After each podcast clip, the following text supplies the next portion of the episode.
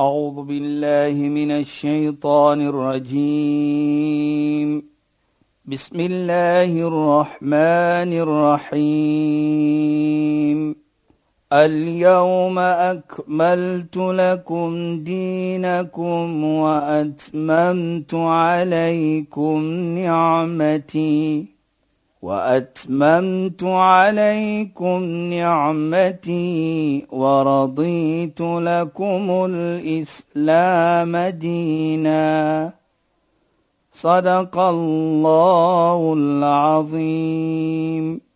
Assalamu alaykum wa rahmatullahi wa barakatuh. Goeienaand, baie welkom by ons program Islam in Fokus. Ek is Shahida Kali en ek gesels met Sheikh Dafir Najjar. Assalamu alaykum. Wa alaykum salaam wa rahmatullahi wa barakatuh.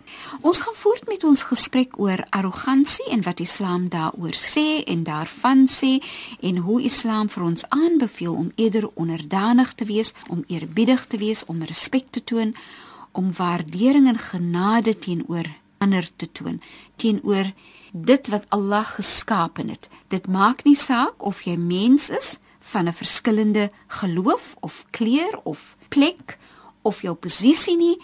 Ons moet te alle tye onderdanig wees vir dit wat Allah Taala geskaap het. Ja. Bismillahirrahmanirrahim. Alhamdulillah.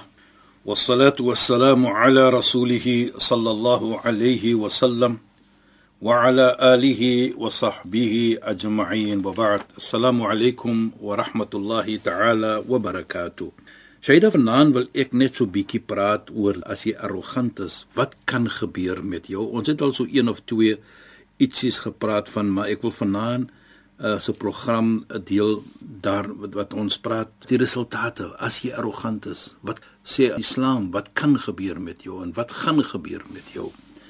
As ons byvoorbeeld kyk waar die heilige profeet Mohammed sallallahu sê hy sê al-kibr batrul haq wa ghamt an-nas. Hy sê as jy arrogant is, dan verstoot jy enige iets wat reg is. Byvoorbeeld, dit is so. As 'n persoon kom na jou toe. Ja.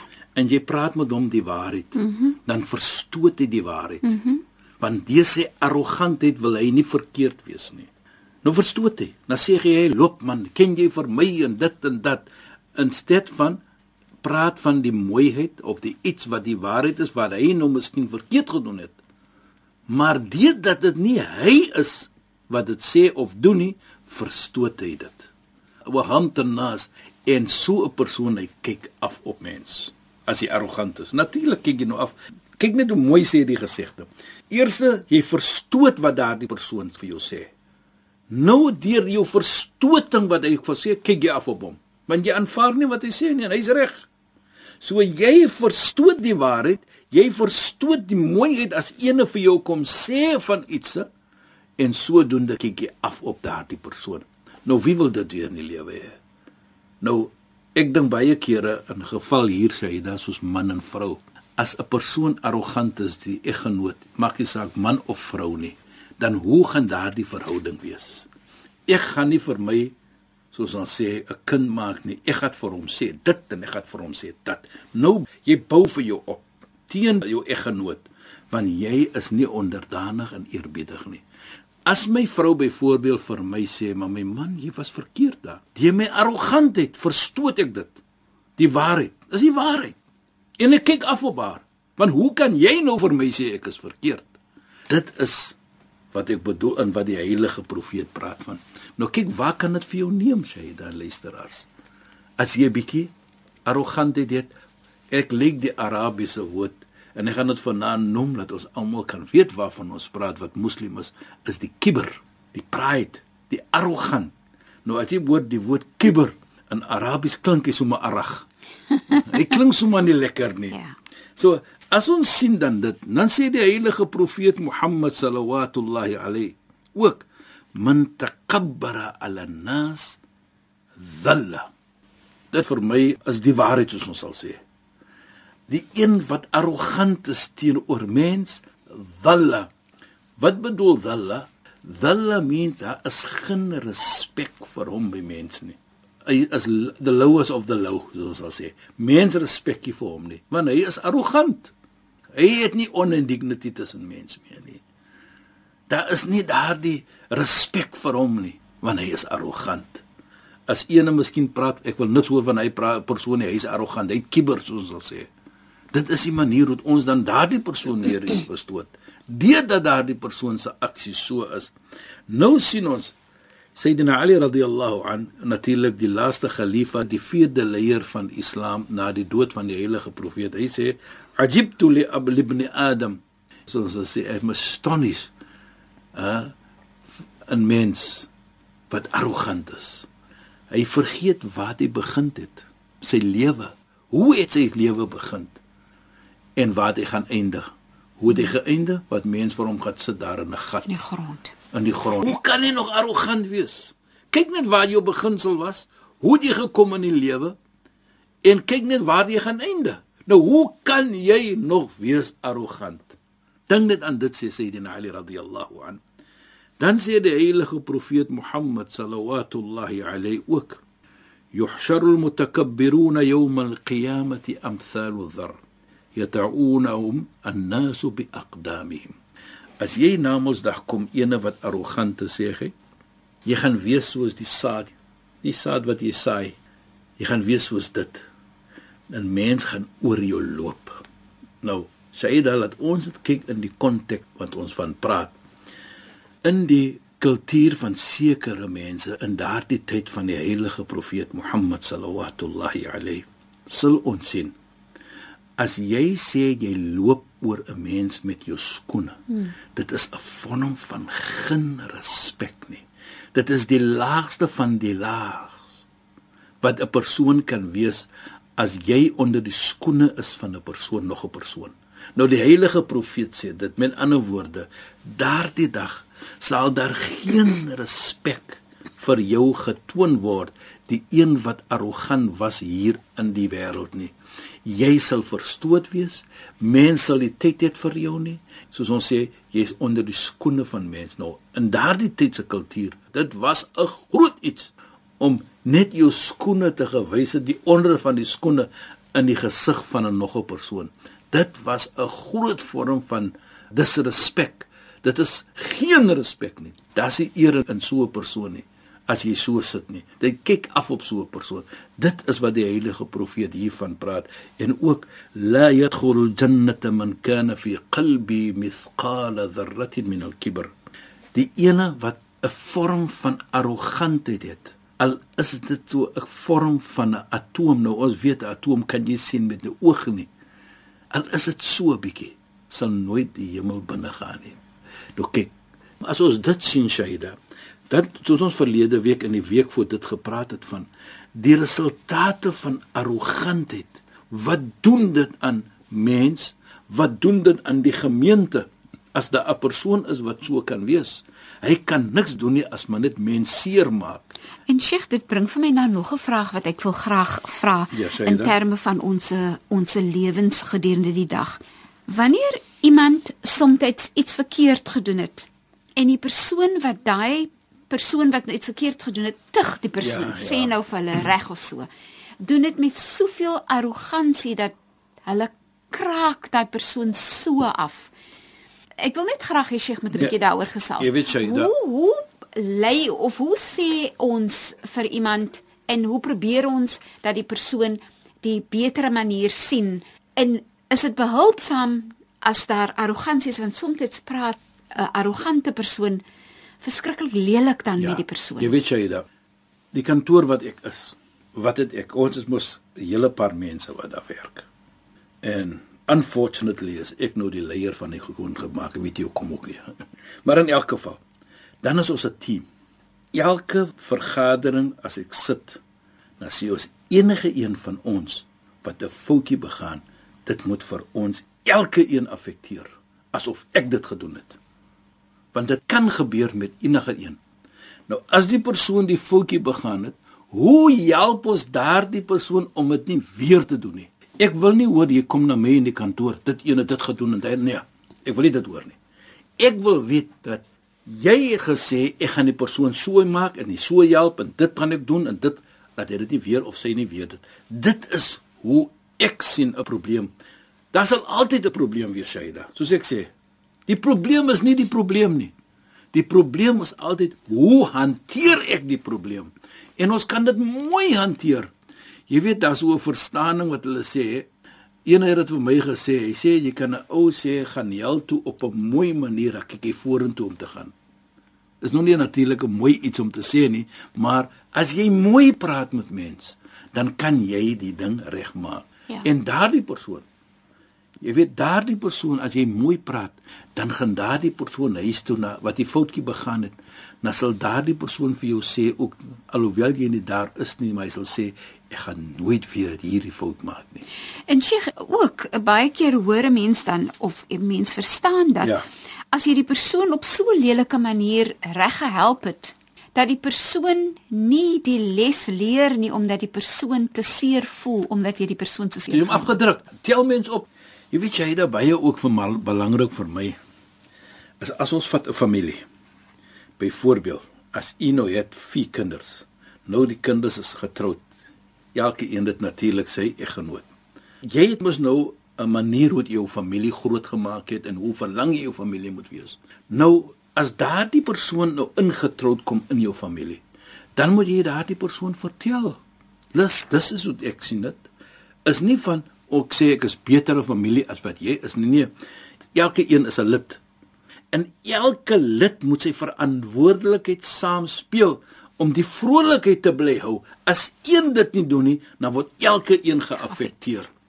Nou moet ons mekaar help. Want as ons mekaar help, dan my help ek vir my eie vrolikheid ook. Dit is hoe ons dit moet doen. beslis. Dit help die persoon. Tel hom op, want as jy vir hom optel, tel jy jou ook op. En baie kere, soos ek altyd maar sê, as jy wil respek toe hê, en wanneer kan jy sien jy word gerespek as jy mens mooi behandel? En baie kere wat baie belangrik is ook.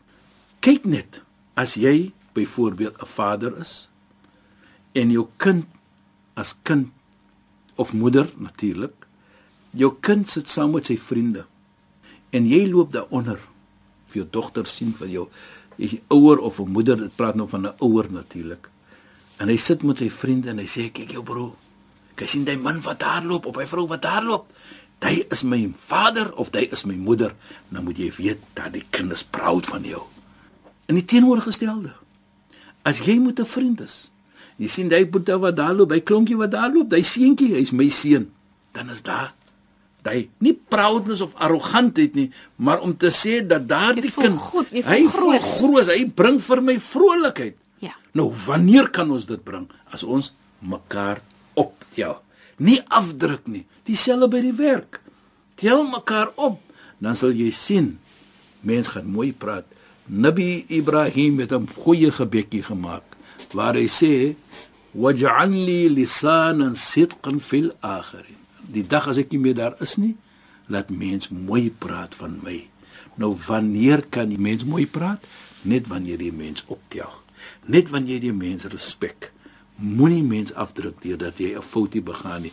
En baie belangrik, kulubni adam khata wa khairul khata'in at-tawwabun. Elke mens gaan 'n foutjie maak, maar die beste van foutjies is as jy die fout begaan, jy erken dit en jy vra vir vergifnis. Jy word opgetel. Nou Allah se deure is oop vir jou. Allah tel vir jou op. Wie is ek as mens om vir jou af te druk? Ek kan nie vir jou afdruk nie.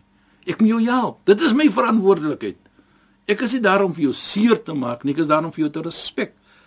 Die doel van alle profete vanaf Adam, Moses, Jesus, Dawid, almal van hulle. Hulle verantwoordelikheid was om mense te kom red van die onreg wat daar was om reg te stel. Soos ek sê, was hulle verantwoordelikheid was om mens uit die hel te haal en vir hulle te sit in die hemel. Nie vir hulle uit die hemel te haal en in die hel te sit nie. So hoe kan ons dit doen om daardie voorbeeld te neem in ons lewe van alle profete is net om mooi te praat en mens op te raak, op te lig en help mens want waarlik waar die heilige profeet Mohammed sallallahu alayhi sê Allahu fi auni al-abd ma kana al-abd fi auni akhi Allah sal altyd daar wees vir die slaaf vir jou die oomblik jy altyd daar is vir mens as jy mens help moet jy altyd verstaan Allah wag vir jou. Allah is daar vir jou. Nou wat wil jy beter hê? Allah praat nie van 'n mens moet ons afdruk nie. Hy sê help hom. Die Nabi sê nie moet hom afdruk. Hy sê help hom. Want dit is wat ons moet. Help mekaar. Foutjie word begaan. Help die persoon dat dit weer moet gedoen word nie. En dit is hoe ek voel respek gaan ver. En as jy nie dit doen nie, kan dit lei na arrogantheid, dat jy afkyk op mens en die oomblik jy afkyk op mens, dan maak ons 'n groter fout en maak 'n groter sonde wat nie bestaan in Islam nie, wat nie Islam welkom dit glad nooit en ooit nie dat dit moet nooit gebeur met 'n persoon om arrogant te wees nie. Sheikh baie baie mooi gestel Sheikh. Nou wil ek nog 'n scenario skets want en regtig ek skets hierdie scenario's omdat dit is dinge wat gebeur en ja en 'n mens hoop dat met die program Islam in Fokus probeer ons om onsself te maak dink oor as ek in daai posisie is en ek doen dit miskien. Ja. Nou praat Sheikh daaroor en dan laat dit my toe om, om te dink, te reflekteer en om dan 'n verandering aan te bring. Baie keer sien 'n mens ook arrogansie in die verhouding van die werkgewer teenoor die werknemer. Ja. So ek gaan vir jou hanteer en ek sal vir jou sê en ek sal op jou skree en ek sal jou rondklap en ek sal dinge doen met jou wat ek nie sal doen teenoor kom ons sê nou my eie familie nie maar ek gaan dit doen teenoor my werknemer. Ja. So jy kan slaap op die grond sonder 'n matras of so en daai tipe ding praat met ons 'n bietjie daaroor. Jy weet jy da as jy so gepraat het, kan ek dit vir jou neem na een gesegde van die heilige profeet Mohammed sallallahu alayhi waar hy sê vir ons hoe om jou werknemer hoe om hom of haar te hanteer. Die eerste iets is moet nooit vir daardie persoon vra om iets te doen wat daardie persoon nie kan doen nie. En as jy byvoorbeeld sê die gesegde en as jy vra vir hom om iets op te tel en dit is te swaar vir hom of vir haar, help jy vir hom of vir haar. Dit sê vir my als. Dit sê vir my hoe ek daardie persoon moet hanteer.